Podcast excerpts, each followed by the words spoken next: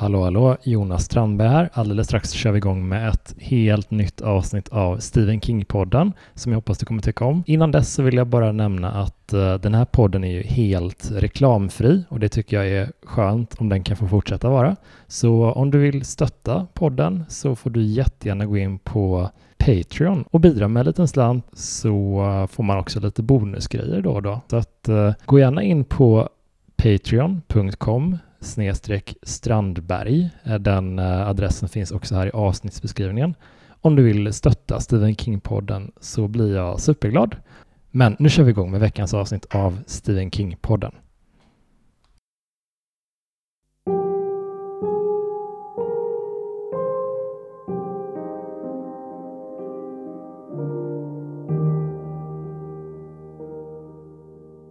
Hej och välkommen till Stephen King-podden med mig Jonas Strandberg där jag varje vecka bjuder in eh, en gäst och eh, så pratar vi om en av Stephen Kings väldigt många berättelser. Idag har vi gjort en eh, riktig lyxig specialare åt er. Jag har bjudit in två toppengäster till podden, Helena Dahlgren och Gunnar Elin. Välkommen hit. Tack så mycket. Tack så mycket. Så kul att ha er här. Vi ska prata om Holly idag och jag tänker att det är viktigt att berätta för våra lyssnare. Vi kommer hålla första kvarten någonting. Eh, ganska spoilerfri, så att även om du inte har läst boken så kan du lyssna på första delen och sen så markerar vi tydligt när vi börjar spoila. ja.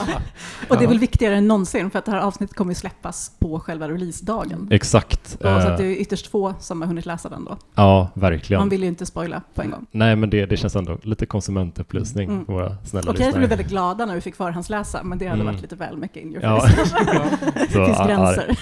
Men eh, ja, va, vi har ju precis, ganska nyligen alla avslutat boken. Vad är spontana första intryck efter att ha stängt sista Att det är något av det ruggigaste han har skrivit. Mm. Mm. mm. Jag håller med. Det är väldigt sällan jag drömmer mardrömmar eh, mm. eh, när jag läser böcker nu för tiden. Mm. Men jag hade två otroligt levande och läbbiga mardrömmar mm. eh, i samband med att jag läste Holly. Och då är det ju inte ens en övernaturlig bok, utan allt det här fruktansvärda som sker är mm. ju helt, ja naturligt är det ju inte, men det är i alla fall inte övernaturligt. Nej. Det är ju en, en thriller.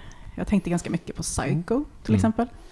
Uh, och även När lammen tystnar. Mm. Så att det är en riktigt ruggig thriller. Men samtidigt så tyckte jag att den var mysig. Och det är ju Hollys inslag. Det är Hollys hon är så härlig att mm. läsa om. Mm. Vi kommer att prata mycket om henne idag. Hela hon, hon finns ju till och med i titeln ja. på den här boken. Och uh, jag är så glad att Stephen King har fastnat för henne. Mm. För hon är en underbar karaktär.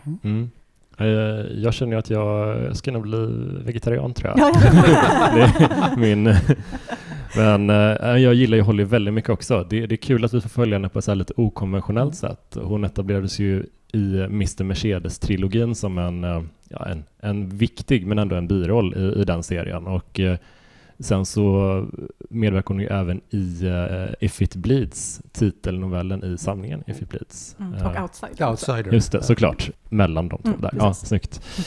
Men vi kan bara dra lite klart, kort plotten för den här boken. Det, den utspelar sig mitt under coronapandemin, liksom. vilket var lite det är intressant att läsa en sån, det, det kändes lite som att läsa en historisk ja, det känns, roman. Ja, det känns så idag. Fast visst, det var ett och ett halvt år sedan mm. eller någonting sedan det typ tog lite slut.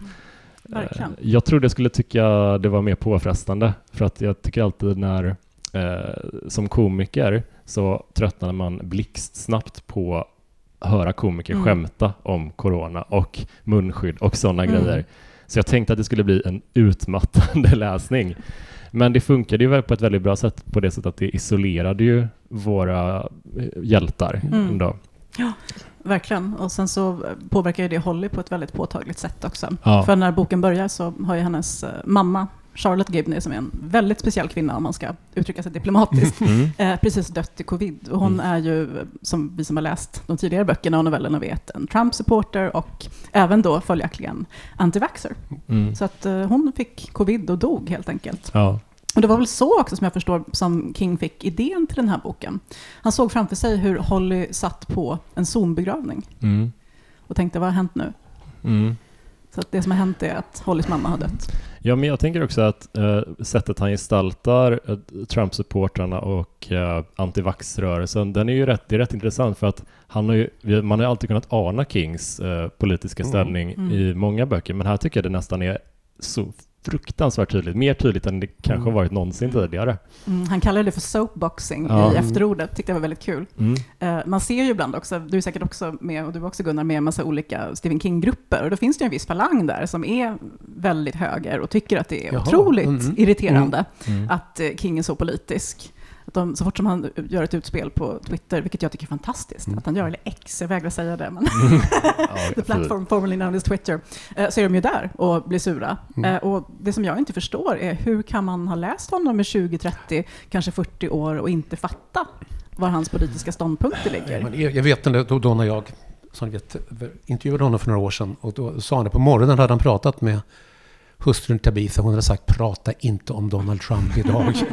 Men det gjorde han i alla fall. Men alltså King är kanske, precis som Bruce Springsteen, för ösig för att högerfolk ska kunna helt bortskriva mm. honom. Nej, det kan de inte göra. Nej. Det går ju det inte. Går inte, han är gigant. Liksom. Ja, mm. exakt. Så att uppenbarligen så finns det ändå några som fortfarande köper hans böcker. Mm. mm. Men jag gillar verkligen hur Holly nu minns jag inte riktigt i Mr Mercedes hur gammal skådespelerskan som spelar Holly där är, men jag minns henne som lite yngre. Max 20 skulle jag säga, väldigt ja. ung. Jag reagerade på det. Och det tyckte jag underminerade hennes mm. karaktär lite, för jag gillar att hon är en kvinna i eh, late 40s någonstans mm. va? Och det, vi ser inte så mycket sådana hjältinnor. Uh, sådär. Så det, det är coolt att, att, han inte King, att inte King faller hän åt den här, ja vi gör en ung data expert, Lisbeth Salander-figur. Ja. Utan det här är liksom en, eh, ja, en skarp kvinna. Mm. Liksom skarp kvinna med ändå med lite problem. Så, mm. så ja, det. verkligen. Jag tycker det är så underbart. För att jag måste erkänna att när jag läste Mr Mercedes, det är ju nio år sedan nu som mm. den kom, eh, 2014, mm. och Holly dök upp så tänkte jag först bara, åh nej, en Lisbeth Salander-typ. Jag orkar mm. inte, för det var en så otroligt trött arketyp just då. Mm. Eh, så fort som någon skrev en spänningsroman och ville ha med något lite edgy så kastade man in en uh, lite underlig uh, datasnillertjej. Ja. uh, bara för att underminera den manliga huvudpersonen och visa på, titta nu har vi tagit någonting tokigt här. Mm. Men alltså Holly vann ju mitt hjärta mm. på en gång och jag kan knappt prata om henne utan att bli lite rörd. För jag tycker att det är så fint att hon får finnas mm. i litteraturhistorien nu. För att det är så otroligt få kvinnor av den typen som får finnas överhuvudtaget. Mm. Hon är ganska osäker men också otroligt komplex och duktig, men drivs väldigt mycket av osäkerhet. I mm. första kapitlet så sitter ju hon och eh, korresponderar med eh, en kund på Finders Keepers mm. och eh, använder systematiskt ordet vi istället för jag. För hon har lärt sig att om man använder vi så låter det lite mer slagkraftigt. Ja. Eh, och hon mm. jobbar hela tiden med att bli hörd och att säga ifrån mer och det där känner jag igen mig i så sjukt mycket. och jag är också så jäkla less på alla slentrianstarka kvinnor och alla cool girls och alla de här plattityderna som mm. genomlusar hela vår populärkultur. Mm. För det är bara tomma ord i 90, mm. 90 mm. av fallen. Mm. Men Holly är en verklig person och en äkta kvinna och hon har ett jättedramatiskt förflutet som jag tror att vi bara börjar förstå lite var hon kommer ifrån och vad hennes mamma har gjort med henne och sådär. Jag tror att det kommer komma ännu mer nu mm. mm. i de kommande böckerna. Eh, så att jag blev så här superberörd mm. av att läsa om henne faktiskt.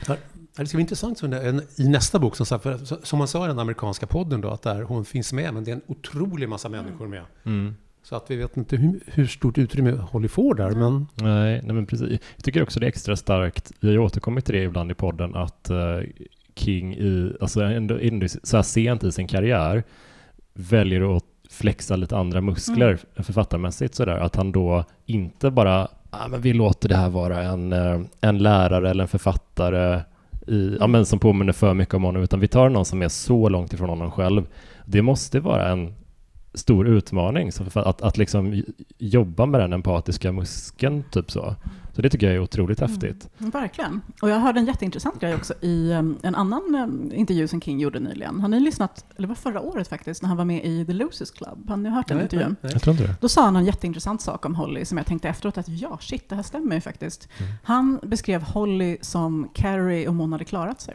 Mm. Ja, okay, ja. ja. Och det ja. finns ju likheter mm. där. Ja. Blev ju systematiskt mobbad i skolan, mm. har en otroligt eh, komplex relation till sin mamma, mm. har liksom levt större delen av sitt liv som någon slags hackkyckling. Mm. Men när hon träffar Bill Hodges så förstår hon för första mm. gången att okej, okay, mm. jag kanske inte är helt värdelös. Jag har talang, jag har bra egenskaper. Det finns folk som tycker om mig. Ja. Eh, så att, sätt och vis har ju det här funnits hela tiden, mm. ja. tänker jag. Mm. Eh, den här empatin som ändå genomlyser Carrie, tycker jag. Mm. Även om hon får ett fruktansvärt slut, mm. som vi har diskuterat tidigare i livepodden. Ja. Men så det finns där, och det tycker jag är fint. Att Han är ju mer, han är en mer kompetent författare nu än han var 1974 var det väl som Carrie kom. Men den här empatin och den här otroliga ömheten som man har gentemot sina karaktärer och huvudpersoner, den har ju funnits där hela mm. tiden. Jag, jag pratade med det i eh, avsnittet med eh, John Ajvide Lindqvist om, John var av åsikten att eh, Stephen King har, har, inte gjort de här dramatiska förändringarna som författare, utan liksom, om man jämför med Ajvide då, han har ju testat lite olika mer spirituella, den här platserna-sviten till exempel. Men jag tycker Kings styrka snarare är att han gör de här små stegen hela tiden. Att han hela tiden bryter lite längre, alltså flexar sig lite längre fram, alltså sträcker sig lite längre bort från sin comfort zone. Och efter så här många år så hamnar man så här långt då. Det är därför man inte ser den här dramatiska skillnaden för, från bok till bok mm. kanske, men om man hoppar 20 år mellan så, så märker man det tydligare. Jag tänkte läsa om The Talisman snart. Det ska bli spännande att se hur den håller. Mm. Vad, vad jag tycker om den nu. Mm. Alltså, mm. det, det är en av få King-böcker som jag inte vågat läsa om mm. faktiskt. För jag var 16 tror jag, mm. när jag mm. läste den. Jag var på, ja, det är en väldigt bra bok att läsa när man är 16. och jag hade med mig den på semestern och det är en riktig tegelsten. Mm. Uh, tummad gammal pocket. Och jag minns bara att jag totalt teleporterades in mm. i den här världen och inte ville komma ut. Och, alltså, vissa böcker kan man inte uppleva på samma sätt mm. som vuxen tror jag. Och The Talisman kan vara en sån bok. Mm. Men någon gång ska jag läsa om det. Ja, ta sats. Samma, samma som, jag läser om The Stand var tredje år mm. ungefär. Så alltså jag är mitt. Ja. ja, men, eh, men uh, Holly. Ja, precis. Hon, Boken vi hade pratat om. Ja, precis. Där är vad, den, vad den handlar om är ju ja, Just det. Just det, det där Precis, för att uh, kort efter den här uh, Zoom-begravningen då som du nämnde Helena, mm. så blir Holly kontaktad av en kvinna som uh, de har semesterstängt, den här detektivbyrån som Holly nu driver med Pete Huntley, Bill Hodges uh, ja, pensionerade kollega. Och Pete ligger inlagd, uh, han, eller han ligger hemma uh, sjuk i covid mm. och Holly är själv mm. med det. Och de har semesterstängt den här byrån, men den här kvinnan är ihärdig och så Holly bestämmer sig för att ta samtalet. Då får de veta att det, det, är en kvinna vars dotter har försvunnit spårlöst och hon eh, är beredd att göra allt för att hitta henne. Hon tycker inte att polisen gör det som behövs och ja, konsulterar Dolly som tar sig an det här fallet. Uh, ja, det är svårt att... Mm, ja, ja, men frågan är mycket vi ska säga. Men vi, så, så här, vi, det, det, vi kommer berätta nu uh, avslöjas väldigt tidigt i boken. Så det här mm. går inte att betrakta som spoilers. Har vi väl lite. Det har försvunnit andra unga kvinnor. Liksom, ja, exakt. Liksom sådär, så kan ja, det finnas och, och ett samband. Också. Exakt. Mm. Uh, första kapitlet är... Alltså jag älskade oh, det. det. Mm. Den här, uh, Jorge heter den va? Mm. Den här 40-åriga ja, författaren slash uh, universitetslektorn typ. Han, de målar upp honom, eller mm. King målar upp honom så otroligt snyggt. Verkligen. För att han berättar hur Jorge har liksom börjat träna, tänka lite mer på vad han äter. Han är mm. ändå så 40, man mm. måste så här, ta hand om sig på ett annat sätt. Och så avslutar han det här kapitlet med men han skulle aldrig bli 41. Oh, det är så det, snyggt! Jag älskar när han gör så. Ja, det är fantastiskt. Det är toppen. Ja, för Jorge presenteras ju nästan som en uh, möjlig huvudperson. Ja här. Och man ser honom springa bland de här fantastiska viktorianska villorna som vi eh, ser lite på, redan på det här underbara omslaget. Mm. Eh, det är en ganska väl, välburen liten del av den här fiktiva väl, mm. staden i mellanvästern, mm. där Holly och Company bor. Och han springer mellan husen och det är en vacker höstdag. Mm. Och ja, kan man sin King så förstår man ju att snart kommer det här gå åt mm. helvete. Mm. Men det är som öppningsscenen på uh, Scream-filmerna. Ja, det där som sker innan så. huvudplotten mm. mm. kickar igång. tyckte jag var otroligt. Men det där är väldigt, väldigt typiskt King tycker jag också. Det där som du säger, liksom att skriva, men han skulle inte bli... Han, han är väldigt bra det här att med en enkel mening titta framåt lite grann så vi vet vad som kommer hända. Ja sense of foreboding är Ja, och jag känner att andra gör det, då känns det som de härmar honom mm. lite grann. Det, ja. Jag gillar inte när andra ja. gör det, men han, han, han, har rätt att göra det. Liksom ja. jag, jag har själv försökt att göra det och det är svårt. Jag mm. vågar inte.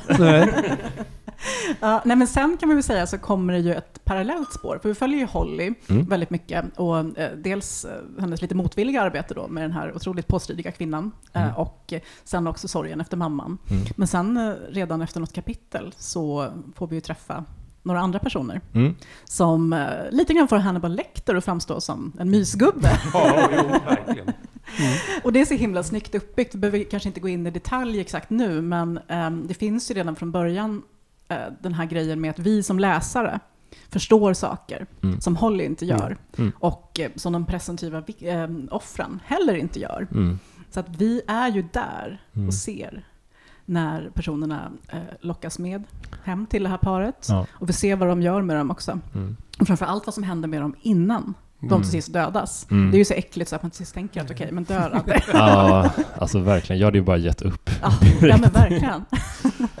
Så det är så himla snyggt tycker jag. Ehm, jag tror att det var Alfred Hitchcock som eh, pratade ganska mycket om det här som jag också brukar tjata om i podden med terror versus mm. horror. Mm. Han sa någon gång att om man eh, låter en bomb smälla av i ett rum, då är det jätteotäckt i mm. ungefär en minut. Men om eh, man låter tittarna eller läsarna förstå att det finns en bomb i rummet, mm. då har vi minst en och en halv timmes mm. total skräck. Och det är lite grann det han gör här mm. också. När han väljer att lägga upp berättelsen så här, att vi har de här parallella tidsspåren. Mm. För eh, med Holly och Company så är vi ju i sommaren 2021. Just, just det. Men Jorge är ju nästan tio år innan. Ja. Så man förstår ju att de här försvinnandena har ju skett med en viss regelbundenhet mm. ja. i nästan tio års tid. Ja.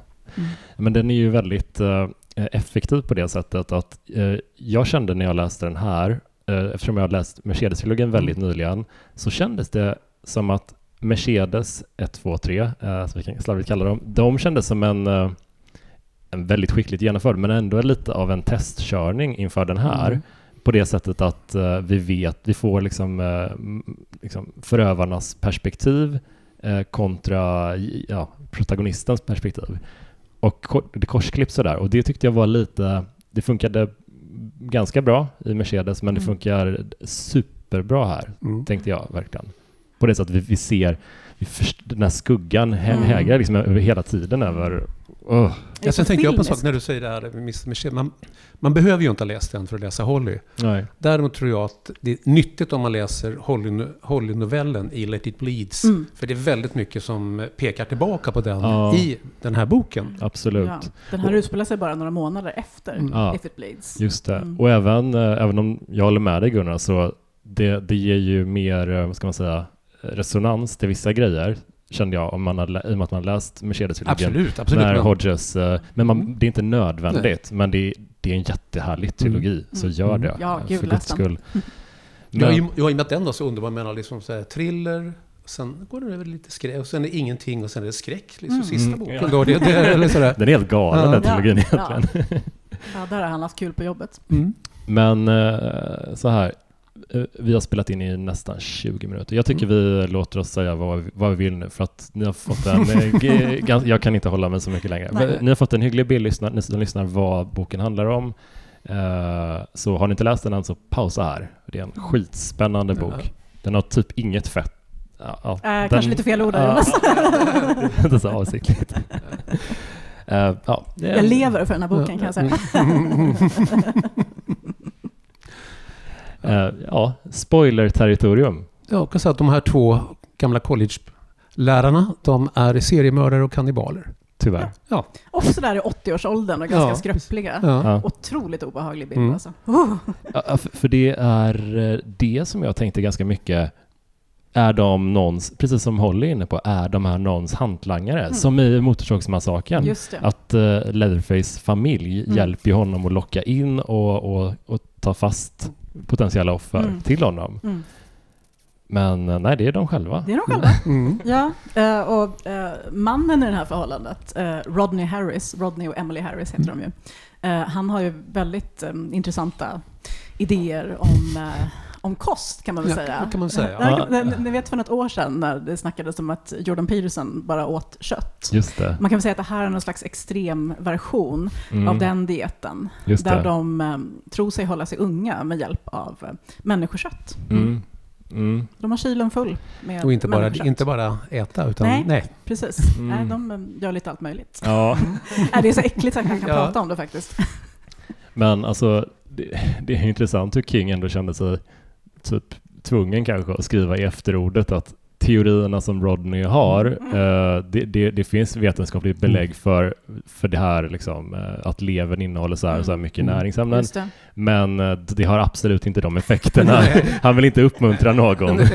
Men vad var det du skrev? Du skrev till mig på Twitter, Helena. Vad, vad var det King hade sagt innan? King hade sagt att it's fucking grizzly. Ja, Och, ja det stämmer verkligen. Den ja. är riktigt, riktigt vidrig. Mm. Så det är så att magen vänder sig ut och in mm. ibland ja. när man läser. Ja, alltså jag var, jag var verkligen chockad att, mm. att han kan vara så här grov. Mm. Eh, jag pratade med Mikael om det när vi pratade om mm. Dr. Sleep. Det är inte så här samma visuella äckel i den, men den här scenen där baseballpojken ja. blir kidnappad av uh, Rose the Hat och hennes ja. gäng. Det är ju en sån frukt, särskilt i filmen är den, den är vidrig. Oh, alltså, uh. Men så här liksom så här sent i sin karriär, att man ändå kan vara så kompromisslös mm. och stenhård mm. med sådana våldsamma otäcka scener. Ja. Ganska, särskilt tyckte jag med, uh, vad heter tjejen som blir kidnappad nu? Hon som, uh, mamman som ringer. Just det. Mm. Eh, precis. Eh, de kallar henne för Nissen. För att hon, hon, var, hon var ju den som iklädd eh, tomtenissedräkt eh, ja, läm, lämnade öl och kex mm. och lite mat mm. och sådär till um, universitetets julfest. Just det. Så vi kan kalla henne Nissen tills vi kommer mm. på vad hon heter. Det kan vi göra. ja. Nej men för jag var helt, uh, länge så kände jag bara, kommer hon klara mm. sig nu? Uh, det finns en scen som, uh, ja, vill du berätta om den Gunnar? Menar du den, den scenen? Eller? Ja. När vi, då när vi förstår att hon inte kommer klara mm. sig. Ja, fast jag, jag tänkte kanske att eftersom de klippte bort mm. innan den scenen var mm. slut så tänkte jag att kanske... Nej, för fan, det räcker som den är. Alltså, liksom, det, det, det. Hon, sitter, hon ligger fastbunden, tjejen. Mm. Och de här två står och tittar på henne och hon frågar, tänker ni våldta mig? Och de skrattade och säger, nej min vän, vi tänker äta dig. Ja. Oh, ja. Så vidrigt. Mm. Och innan de äter sina offer så tvingar de ju dem att um, äta rålever. Mm, Inte ja. människolever, utan kalvlever. Mm. För Rodney har någon sjuk idé om att uh, genom att äta lever så renar man sina egna organ. Och alltså grejen var att det var så sjukt med det här efterordet, den här disclaimern. För att när jag läste det så tänkte jag att ja, alltså det kanske behövs en ja. sån disclaimer. För att folk är så otroligt sjuka i huvudet med sina dieter nu. Ja. Men även där har det, menar, när han, när de kommer att ge dem den här levern, mm. och de inte äter, till sist mm. tvingar de sig att äta ruttnande, möglig... Ja. Äh, Då har den stått där ja. i ett dygn ungefär och börjar bli grå och får som en liten hinna mm. på sig. Okej, okej, okay, mitt äckligaste, mitt äckligaste, det är, det är de här små parfäerna de går omkring med. Uh, som de då har gjort uh, på Järna. Just det. Mm. Järna och jordgubbar va? Och lite socker. Mm. Ja, och då berättar, beskrivs hur de ser ut, att de är, det är en grå massa med små röda stråk i. Och då tänkte jag, jag mår så dåligt. Jag mår så dåligt. Alltså jag har nästan bara ätit, jag har blivit som Karen i Mean Girls. Jag går på en all carb diet just nu för jag ja. pallar inte äta kött eller någonting. Så här, liksom, jag åt en macka till frukost, ja. jag kommer käka en sallad till lunch, ja. kommer inte ens titta på kött. Nej, det är riktigt eh, grovt alltså. Mm, och hur många har vi nu lyckats avskräcka att läsa boken? det här är en vidrig bok, läs den. Nej men King-älskare King gillar ju när det är äckligt. Ja, mm. men också tycker det är snyggt att han efter att ha tagit ett, ett par böcker, han är lite så här uh, Fairytale Ja, Fairytale var ju ganska snäll. Alltså, ja, den var otäck på sina ställen, men den, är, den är ju en fairytale. Ja, en ungdomsbok ja. nästan, ja, skulle jag säga. Verkligen, mm. och att han ändå har tagit det lite mer utforskat det obehagliga mer på ett lite mer spirituellt, teoretiskt plan mm. kanske. Mm. Men här är det så här bara, det här är vidriga mördare. Ja. Det, mm. det, det, är så enkelt bara. Mm. Och sen den här um, juxtapositioneringen mellan å ena sidan det här att de um, äter lever och järnparfait och att det är två åldriga, gråhåriga, mm. väldigt civiliserade uh, för detta universitetsprofessorer. Mm. Mm. Som är väldigt högt ansedda i det här mm. lilla samhället. Och jag höll ju på att svimma när det ungefär kanske hälften in i boken visade sig att Barbara, som jag älskar, Jeromes lilla syster, ja. uh, var, dök upp i deras hus. Oh. Då kände jag så här, åh nej, det här är verkligen, nej, verkligen nej, inte nej, bra. Inte Barbara. Mm. Nej, och, och, hon är ju, eh, Barbara är ju, äh, skriver poesi nu. Mm, och hon har, äh, tänker sig liksom att den här, äh, att hon ska bli en mentor. Mm. Äh, lyckligtvis så hinner en annan eh, jätteframgångsrik poet, Olivia Kingsbury, Kingsbury mm. hon plockar upp eh, Barbara under sina vingar istället. Lov. Och då känner man bara en sån enorm lättnad. Ja. Uh, men här, jag tänkte att när, när Barbara introducerades så tänkte jag, oj, uh, kommer det här vara, kommer det vara så att okej, mördarna, de kommer ta koll på ett antal offer mm. och sen så kommer de fånga uh, Barbara och vara nära och sen mm. så kommer hon räddas. Mm. Men det var inte, det är inte alls så. Man tänker att man ligger mm. så här, ah, så här är thrillerpusslet, men, mm. men det är inte så Nej, det utspelas. och det gillade jag, att det inte var så. För jag gick till och med tillbaka och tittade, men vänta, är Barbara med så mycket i den här mm. boken? Nej, det var hon ju inte. Nej. Så då tänkte jag att, oh, shit, tänk om det är så att de tar henne och att allting byggs upp mot det. Ja. Men visst är det underbart när, när, när, man har en förutfattad mening, hur det ska mm. gå kliché. Mm. har ni sett den här tv-serien Happy Valley som gått nu? Mm. Och slutet där, jag var ju livrädd att okej, okay, nu kommer han att försöka skjuta henne, så kommer mm. sonen inspringande, don't you touch my grandmother och sådär. Exakt. Men det blev inte sånt slut. Det var jätteskönt. Jag satt och var livrädd för att befriande. Ja. ja. Men det är också snyggt tycker jag hur uh, Jerome från Mercedes-trilogin, han, uh, han är ju med, men han, han är också så, han håller på att slå igenom som författare. Han mm. har precis blivit signad av ett förlag och är i New York mm. i hela berättelsen. Mm. Men han, alltså han, är, han är där, han pratar med Holly på telefon några gånger, så hon hon är ju isolerad men hon är inte helt ensam på något sätt. Men det, är, mm. det är hon som måste lösa skiten. Precis. Alltså hon kan ju inte förlita sig på någon. Nej. Det finns en scen som jag tyckte jättemycket om väldigt tidigt när hon har precis börjat den här utredningen för att spåra, spåra upp uh, ja, och uh, ska förhöra några unga killar utanför uh, ja, någon, någon kiosk typ. Och då ber hon Jerome om hjälp för att hon blir stressad och nervös och pratar med unga människor. Mm. Så han säger så här bara, ja, men jag, jag, kan gå med dig, men du får sköta det. Mm. Och jag är där om, det, mm. om du behöver hjälp, men du får ta initiativet. Och det tycker jag är så snyggt att han håller inte henne Nej. i handen och, utan så här, okej, okay, jag kan stötta dig i det här. Mm. Det är en så fin vänskap. Ja, alltså det är ju så otroligt fint skildrat, både relationen mellan Jerome och Holly, men också relationen mellan um, Holly och Barbara. Mm. Det är så otroligt fint och jag började tänka så här, men hur ofta är det man läser den här typen av liksom stora viktiga relationer som inte är romantiska eller sexuella överhuvudtaget utan liksom bara vänskapliga men ändå mer än vänskap för att de är så mm. viktiga för varandra. Mm. Och jag tror i synnerhet för Holly och hur hon faktiskt nu har börjat komma ur sitt skal och hon driver Finders Keepers och gör saker mm. som hon aldrig trodde att hon skulle kunna göra. Nej. Och det är mycket tack vare de här två unga ja, personerna. Som verkligen. Eh, hon verkligen har tagit sitt hjärta. Hon säger till och med nu att hon älskar Barbara mm. när hon pratar med henne i telefon. Och det alltså flera gånger. Ja, jag det är det. jättefint, ja. verkligen. Men det är snyggt för att det är, det är, både Holly, Barbara men också Olivia som är ja. de centrala Precis. spelarna liksom mm. i, i storyn. Och det tycker jag är skitsnyggt. Mm. Det, det är liksom tre kvinnliga karaktärer i olika åldrar med olika bakgrund som ändå gestaltas snyggt och mm. tredimensionellt. Det är coolt att Olivia innan Barbara liksom blir hennes protegé, mm. då berättar hon att Olivia har träffat T.S. Eliot. Eller vad det är hon säger. Ja, det är en sån grej för att man ska säga okej, okay, shit. T.S. Eliot, herregud. Mm. Ja, men den lilla subplotten älskade jag mm. verkligen. Mm. Med um, Olivia och Barbara. Ja. När de sitter i det där vackra huset och ah, ja. pratar poesi. Och jag tyckte också att det var så fint uttryckt när, jag tror att det är Olivia eller om det är Barbara.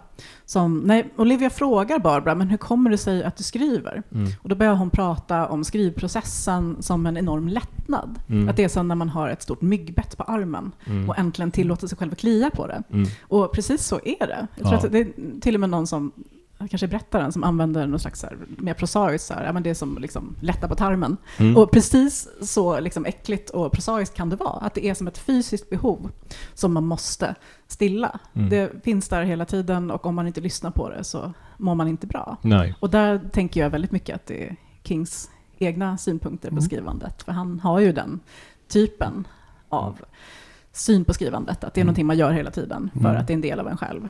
Verkligen. Så det tyckte jag var en jättefin också, man behöver hela tiden, med det här Leonard Cohen-citatet, there's a light, there's a light in everything, that's how the um, Nej, there's a crack in everything. Just That's det. how the light gets in. Här finns ju mörkret, men det finns ju också, om man ska vända på det, den här mm. lilla, lilla skärvan av ljus. Mm. Och det är ju Olivia och Barbara och mm. sen också Holly och hennes relationer. Mm. Och det behövs ju, för annars hade det varit, annars hade det blivit Silence of the Lambs, eller hur? Mm. Och det är det ju inte. Nej, jag tycker det är så snyggt hur hon, hon får bara leva sitt liv, Barbara. Den här, alltså det, det, är inte som att hon är där för att kunna göra det här senare i boken, utan hon, hon finns där för att men, hon fyller en funktion i världen. Alltså det, det känns som att man tittar till våra hjältar mm. lite. Hur, vad gör de nu? Det är jättefint. Och det är också fint att få se en, en ung person bli förälskad i skrivande. Det tycker jag är väldigt uh, häftigt. Alltså det är klart att det ligger nära King, men det var ju väldigt länge sedan han blev förälskad för första gången mm. i det. Mm. Så det är fint att han kan dra sig till minnes det och, och måla upp det så trovärdigt. Ändå. Jag måste flika in när du nämnde Leonard Cohen där. Mm. Hans nästa novellsamling King, den här You Want It Darker, hette inte Cohen sista platta? Jo, det är eh, någonting novellsamlingen, novellsamlingen heter You Like It Darker. You Like It Darker. Eh, Cohens sista skiva heter You, Want, It, you want it darker. darker. Så var det, just det. Så det är Precis. väldigt, väldigt snarlikt. Jag ja, tänkte exakt ja. samma där. Mm. Ja, snyggt. Väldigt snyggt. Ja, det, det, ska vara mörka. Det är som min, min favorittitel någonsin av alla. Det, det, det är Dennis Lehane Darkness Take mm. My Hand. Det är en fantastisk mm. titel. Alltså. Och en fantastisk bok. Ja, det är det. Mm. Oh, ja. Vad kul. Alltså, jag tänkte på den, eh, det segmentet i Holly där hon börjar utreda de här bovlarna. Ja. Det tyckte jag var så himla roligt när eh, den här logg, eller catchphrasen som står överallt, eh, barn bowlar för hälsan eller något sånt där. Vad är det, det står? Något ja. sånt där att, vadå, är det, är det en hälsosam aktivitet att bowla? Ja. Man gör ju nästan ingenting. Nej, exakt, man står helt stilla med klot liksom och håller bara, men simning är säkert bra för hälsan. Mm. Promenader är bra för hälsan, ja. men bowling, ja det är verkligen ingenting. Ja.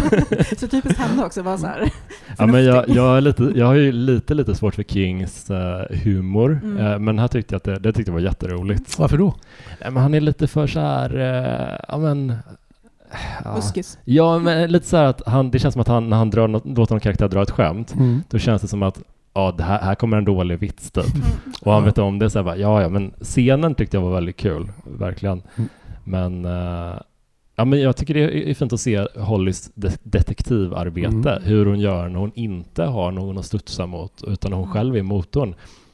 Och att vi även själv får, vi, vi får reda på ganska mycket om hennes bakgrund, hennes mm. uppväxt som vävs in på ett elegant mm. sätt. Och förstärker henne som karaktär verkligen. Mm, jag ska, ska, läsa om den när den kommer. Jag har bara läst som, som, som, som pdf och det, mm. det, är inte det roligaste att sitta i datorn och läsa Nej. böcker. Alltså Nej. Nej, och det är väl det enda negativa jag har att säga mm. om den här läsupplevelsen. Att det blir inte lika magiskt om man sitter framför en dator Nej. eller vid en mm. skärm mm. och läser.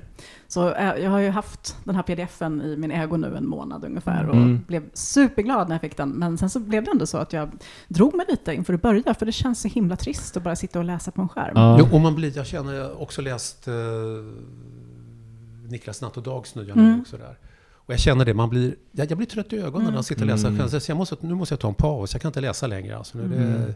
Men det är svårt med läsplattor tycker jag. Jag kör på min jättegamla iPad och det funkar helt okej. Okay. Mm. Men den har ju inte heller en sån uh, e-ink uh, grej. Alltså läsplattor har ju den där tekniken som det känns för ögat som att läsa på papper. Det. det. är inte samma mm. ansträngning. Det är inte den här blå tonen. Liksom. Nej, mm. exakt. Men, men på paddan är det ju samma grej där. Så att, ja, det, det, är inte, det är inte bokens fel, men det, men det är absolut. Jag tycker också det. Ja. Och det jag vill ju ha en pappersbok mm. i händerna. Sådär. Men, mm.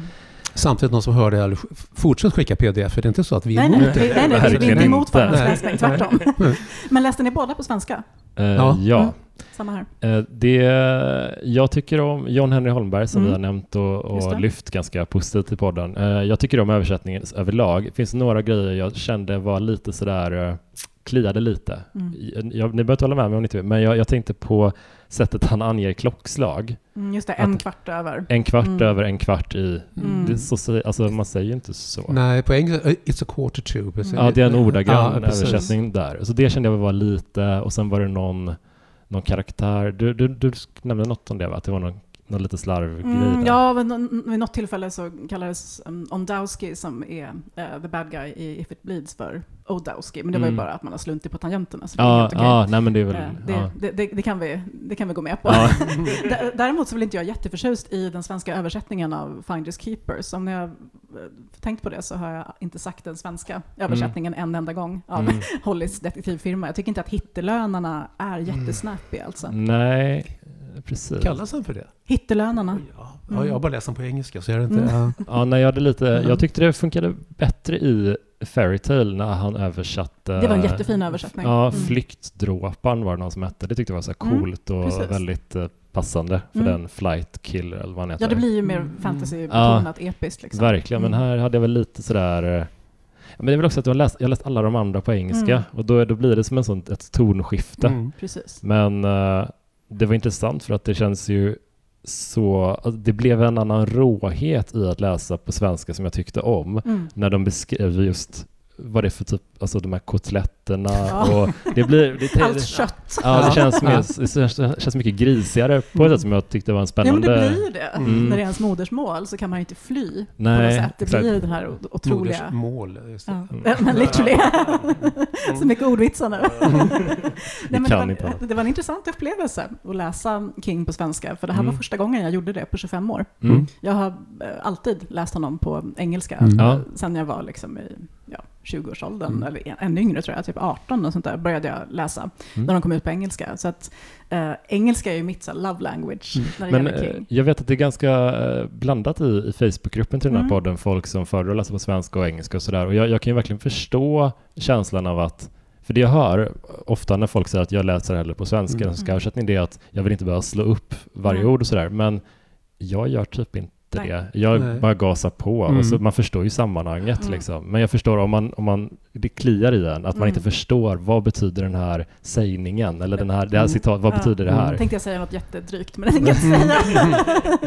så jag kan ändå fatta känslan sådär, men ja. det, det går ju något litet, litet mikroskopiskt förlorat i att om man kan läsa på modersmålet mm. och inte gör det. Så att, uh, ja, jag skulle säga att ändå föredra ja. det i slutändan. Ska, ska se, jag får, får snart någon gång nu, när, när kommande året får jag min min, min tredje version av The Stand hemma. Liksom, mm. Ah, Nej, men jag har den här tjocka, ah, unabridged version. Mm. Sådär. Sen mm. har jag Fuck Me Pocket som jag hade med när jag träffade honom i Cannes för en jäkla massa år sedan. Som han har mm. signerat till och med. En gammal, oh, wow. gammal uh, The Stand Pocket. Då. Mm. Och sen har jag beställt den här Cemetery Dance. Ja, Cemetery Just Dance. Det, den här, eh, för, så att den 150 dollar som, som kommer oh, sån här, sån där. Ja, den är snygg. Så, med, med tanke på hur tjock boken är. Kan tänka mig hur tjock den här kommer bli. Ja, jag, beställ, jag, beställde Pet Cemetery också nu förresten. Oh, wow. Oh, uh, jag har lovat mina barn att inte köpa fler King-utgåvor nu. vi får se hur det går med det. Ja, ja alltså, jag, vi, har, vi spelar in det här hemma hos mig och jag är inte, så, vi har en bokhylla bara uppe uh, och innan vi får upp, får upp de två andra här uppe jäms med taket, då vågar jag typ inte köpa fler King-böcker. Ja. För att den som finns, den är redan ganska proportionellt mm. dominerad av King. Och jag, mm. ja, det, man får smyga in en bok till här och där det ska märkas. Uh, mitt hemmabibliotek ser lite grann ut som um, det här minnesbiblioteket som du och Sebastian uh, roastade i, ja. i uh, Dreamcatcher-avsnittet, uh, fast med böcker då istället för lådor. Ja. Alltså det är bara kaos, det är bara böcker överallt. Jag mm. bara klämmer in dem, ställer dem där där mm. det finns utrymme. Ja. Uh, så jag kan ju förstå mina nära och kära synpunkter mm. på att jag inte får köpa fler böcker. Jag, jag ska göra en rensning i höst faktiskt. No. Ja, vi får se, men det är inga King-böcker som åker ut. Det blir ju andra. Nej, det får det inte vara. Det får inte vara. Nej, men som jag får, jag intervjuar ju massa författare också för TT, mm. så jag får ju alla böcker. Jag, kan, jag får katalogerna varje Mm. Varje år börjar skriva, vad vill du ha för någonting? Mm. Så bara, ibland väller det in. Ja. Mm. Så jag har liksom högar hemma. Liksom. Det, här, det här är oläst. Ja. Ändå angenämt problem. Ja, det är det. Precis. Ja, det är det. Verkligen. Men eh, hur tycker ni, eh, vad tycker ni om Pete Huntleys äh, roll inom stora citationstecken? Där? Polisen då från ja, mest Mr Mercedes. Han ligger ju sjuk hela tiden. Mm.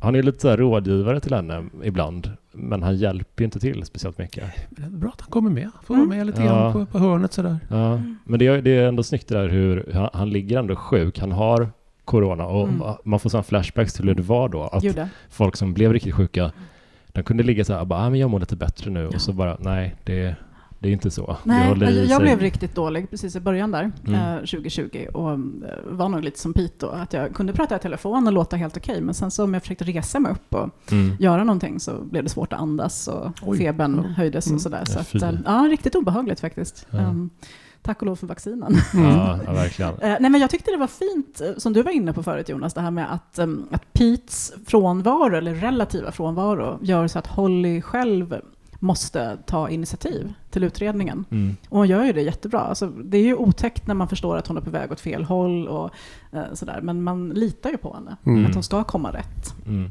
Och till sist så är det ju, vi trodde ju kanske att det var Barbara som skulle mm. hamna i det här otäcka mm. huset hemma hos eh, makarna Harris. Mm. Men det är faktiskt Holly som gör det. Mm. Det är Holly som blir inlåst i en otäck bur ja. i deras källare. Mm. Och eh, tack och lov för att hon har så god relation till Barbara. Mm. För det är ju faktiskt Barbara som räddar henne. Mm. Ja, men precis. Och det, det finns en, en grej som de planterar ganska, eller de, jag, tänker på filmer hela tiden. Jag ser mm. det här flasha förbi som en det film. Det är väldigt filmiskt. Ja, mm. Det finns en grej som King planterar väldigt snyggt eh, och det är den här eh, krypande Alzheimers-tråden mm. som då Rodney har. Han eh, tänker, han försöker dölja det för sin fru, hon anar det men hon mm. anar inte vidden av det. Han, den, det blir liksom väldigt mycket värre. Mm. Och ha, det är till slut det som fäller dem faktiskt. För att hon, frun, ger ju Rodney starka direktiv. Gå mm. inte ner i källaren nu när vi har Holly här. Stanna här uppe. Kommer polisen och de inte har rannsaknings, husrannsakan, mm. släpp inte in dem då. Utan, ja, det, och han glömmer bort det här. Just det. det är jätte, han, hon, hon ber honom upprepa mm. vad, han har sagt, vad hon har sagt, men hon glömmer, han glömmer mm. bort det. Och uh, går ner i källaren, blir provocerad av Holly. Hon retar honom mm. typ. Sådär. Och uh, ja, det är så han blir besegrad till slut. Ja. Precis. Mm. Ehm, jag återberättade hela storyn för mina döttrar för att eh, jag satt och läste liksom, samtidigt som de, de håller på att läsa Kvinnan i svart just nu av Susan mm. Hill som jag älskar. Så de läste den och jag läste Holly och så berättade vi var vi var någonstans. Mm. Och eh, när vi kom till just det här ögonblicket när Holly tar örhänget som hon har hittat från offret mm. och skär in i halspulsådern på honom. Ja. Så sa min ena dotter så här, men alltså, är örhängen tillräckligt vassa mm. mm. för att det här skulle kunna funka? Och det är en väldigt bra fråga. Mm. Jag vet faktiskt inte. det beror på vilket slags För det, örhänge. det är det örhänget, den där, deras uh, ja, Nissan. Mm, det, Nissan. Det, det, Nissan. det är hennes örhänge som mm. ligger i, i den här buren då, som Molly hittar och använder som ett vapen. Och jag tyckte det var eh, ganska snyggt en cool scen för att i, i början så beskrivs det hur det blir som ett uh, paper cut bara, mm, som en det. ytlig rispa runt, mm. men sen så träffar uh, den en, uh, en ven typ och hans pulsåder pang. Ja, sen väller blodet ja. ja. ja. Mm. det var väldigt, väldigt tur för Holly där, mm. med örhänget. Men det, jag hade ju så gärna velat se den här som en film. Jag tror det hade varit mm. alltså, en fruktansvärt spännande och den hade funkat den hade inte behövt bygga på Mercedes mm. för jag tror att det finns mycket rättighetsproblem där med mm. Outsider har ett produktionsbolag mm, kanske och uh, Mercedes ett annat mm. eventuellt. Så att, du menar att någon äger rättigheterna till Holly? Alltså? Jag tänker att det kommer det, det, behöver, det, får inte vara samma kvinna som spelar henne tycker jag. För Nej, det, det bör vara en äldre. Ja, det mm. bör absolut vara en äldre och kontinuiteten är väl mm. det som folk mm. har lite... Mm. Det var ju redan mellan Outsider och Mr. Mercedes så är det olika kvinnor som ja, spelar Ja, precis. Hon håller ju svart också i ja. uh, The Outsider. Jag tycker nog bättre om en i Outsider ja. faktiskt. Mm som karaktär. Skulle, skulle ni vilja se Holly som film? Alltså? Eller, eller hur tonar man ner den? Alltså? Ja. Det, det, måste man ju göra. Liksom. Lite, lite. Ja, ja, ja, men. Men, jag tänker att man skulle kanske kunna gå... Kan låta Blumhouse producera så det bara ja. på med blodet. Men, men uh, Motorsågsmassakern, uh, första Toby Hooper, den minns man ju som uh, betydligt visuellt grövre än mm. vad den är. Det, det, är inte sådär jättemycket som man ser in Nej, Den är ju jättesnäll frame. jämfört med mm. vad som ja, visas idag. Men den är så smutsig mm. så att den känns ju väldigt mycket grövre ja. än vad den är. Ja, alla är så svettiga och blanka och det här dammet ja. som liksom sitter på huden och mm. vägen in mot den här gamla rangliga verandan. Liksom, allting bara känns så fruktansvärt förfallet. Ja, men jag satt, när jag satt och läste, min tjej satt och käkade frukost på andra sidan bordet. du läste och, högt. Ja, och så hon, hon bara, Jonas varför väser du till sådär hela tiden? Jag bara, hela tiden. jo, jo, jag håller med, jag var också när jag letade, och mm. satt och läste. Oh. jag drog efter andan flera gånger faktiskt. Ja, otroligt. Jag tror kanske inte att man skulle klara att titta hela tiden på en film som ja, har de här scenerna. Jag försökte se på streaming den här The Terrifier. Mm.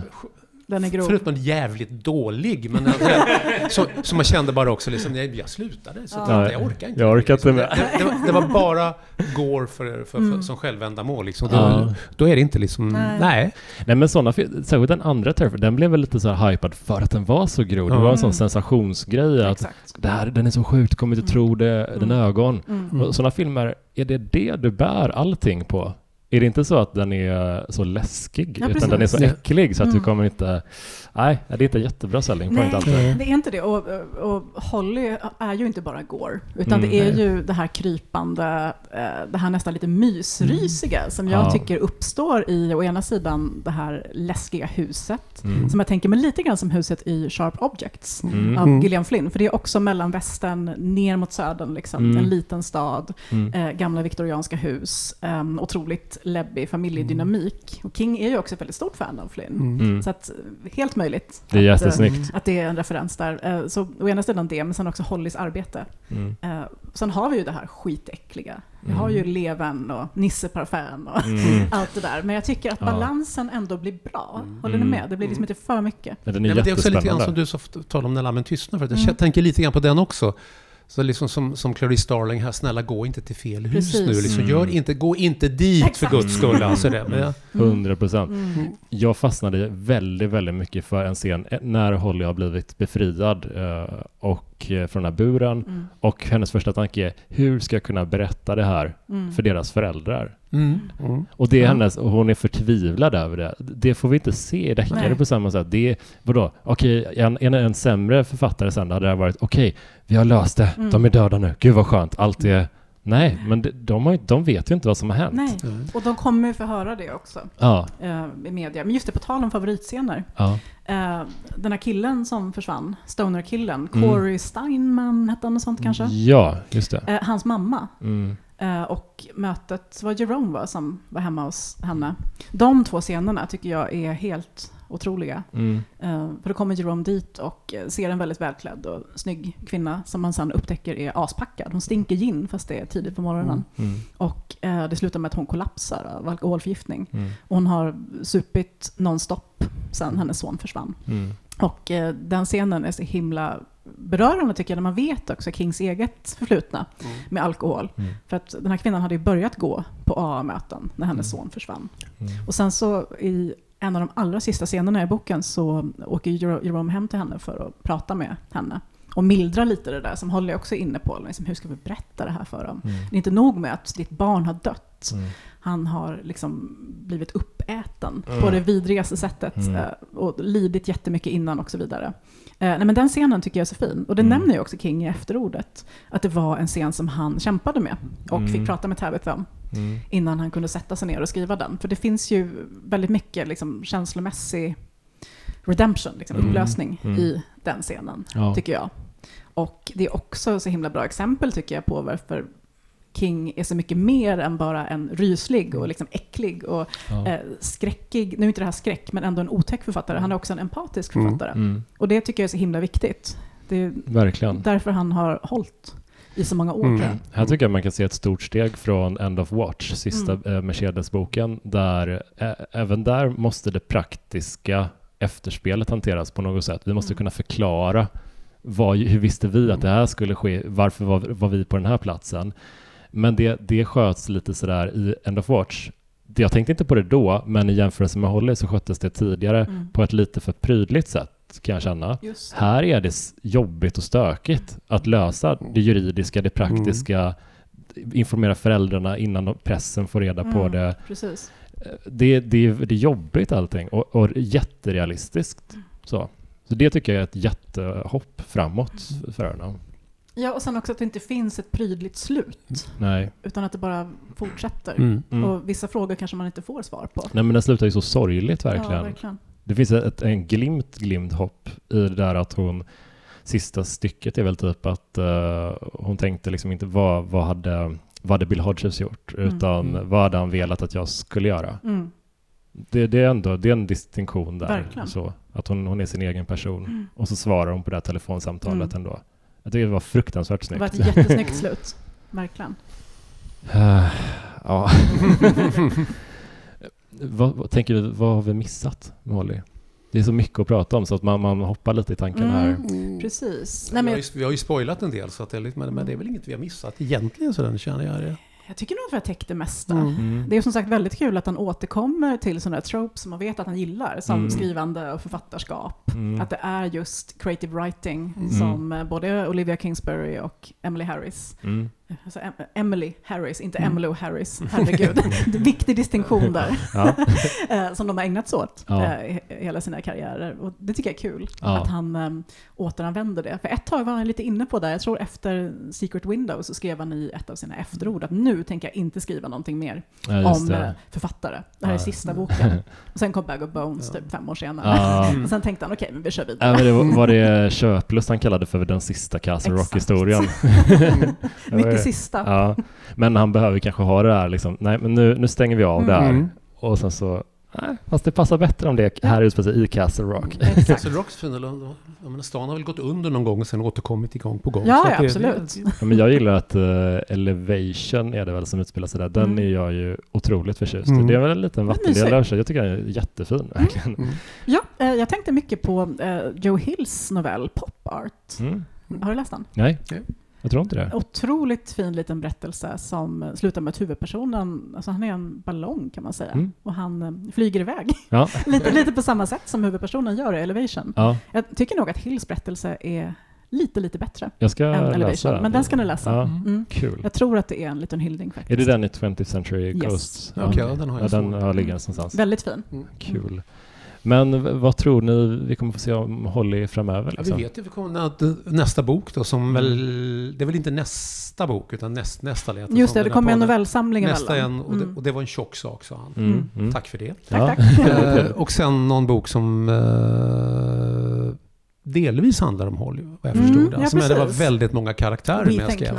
Mm. Och sen har vi den här långnovellen Rattlesnake eh, som ska utspela sig i samma universum som Cujo. Mm. Och den tror jag då, i och med att den här novellsamlingen um, You Like It Darker kommer vara så lång. Den kan vara med den där. Kan vara med ja. där. Ja. Absolut. Den oh. ligger väl kanske på 150 oh, sidor. Är en Cujo-berättelse om yes. ormar? Herregud. Shit. En orm som tappar förståndet. Ja, exakt. Ja, Nej, men det, jag tycker det är kul också att vi har dels det här spåret med Holly mm. som är en helt, eller väldigt nyetablerad karaktär mm. i Kings liksom, författarskap. Sen har vi så här det klassiska spåret med novellerna som också han började sin karriär mm. som han ändå plockar in mm. med jämna mellanrum. Vi har ju If It Bleed som kom 2019 ja, typ. Och, jag tror en, men jag nya. Gillar det. Det finns vilken är det? Är det i Before the Sunset? Det är en novell som, jag menar, speciellt i dessa, i dessa dagar, liksom den där, där de som har ett garden party någonstans utanför New York. Och sen, Graduation Day från Just After Sunset. Just after sunset mm. Älskar den. Och mm. där plötsligt, de ser hela New York bara ett atombombsmål mm. och sen de bara mm. står och väntar på att det ska komma liksom sådär. Och sen står där med sina drinkar. Ja, ja. den är ohygglig. Den, den är jättebra. fruktansvärt otäck. Mm. Ja, det, det är så, så, otroligt många sätt att skapa obehag. Mm. Han kan ju det där. Ja, ja. men jag tycker jag blev jättepositivt överraskad av den här. Jag tycker den var mm. skitkul att läsa. Det var en, en sån ride mm. rakt igenom kunde typ inte lägga ifrån mig den. Mm. Ja, jag sträckläste den på en helg. Ja. Trots det ganska tråkiga pdf-formatet. Ja, mm. Så hade jag haft en fysisk bok så hade jag mm. kanske inte ens uh, slutat för att... Jag hade inte ätit, det hade jag inte gjort. nej, nej, men det som jag ser, det, det, det är min fru, min, ja, men de är vana hemifrån. En ny mm. King stör mig inte. Precis. men uh, ska vi stänga ja. boken där? Och rekommenderar alla att läsa Holly. Ja. Även om vi har spoilat mycket nu. Så den, den, är värd att läsas i alla fall. Jag tänker läsa om den fast jag vet ja, slutar. Ja, gud, jag också. Jag uh, men alltså så kul att ha med både Gunnar och Helena. Det tack, är tack. alltid kul att vara här. Ja. Jättekul. Ja. Även om du är lite tråkigt klädd jämfört med oss. Ja, jag ber verkligen om ursäkt för det. Så Helena har Stephen King-klänning på sig, jag har Pink Floyd-skjorta. Ja, en randig skjorta. Någon måste vara Fan vad tråkigt. Ja, men eh, i alla fall. Eh, det blev en jättehärlig podd, tycker mm, jag det här. Jag det är alltid fint när ni är med. Och tack för att ni har lyssnat på avsnittet. Det är så fint att ni eh, följer Stephen King-podden. Och hoppa gärna in i eftersnacksgruppen på Facebook och ja, men, vi kommer skapa ett specialinlägg inför mm. släppet av den här mm. boken så att där kan man skriva av sig. Vad är det, 5 6 september? 5 september. Ja, det är... Det är Hollydagen. Ja, Hollydagen. definitivt. Mm. Så eh, ja, men vi hörs nästa vecka igen med ett helt nytt avsnitt. Så ja, hej då! Hej då!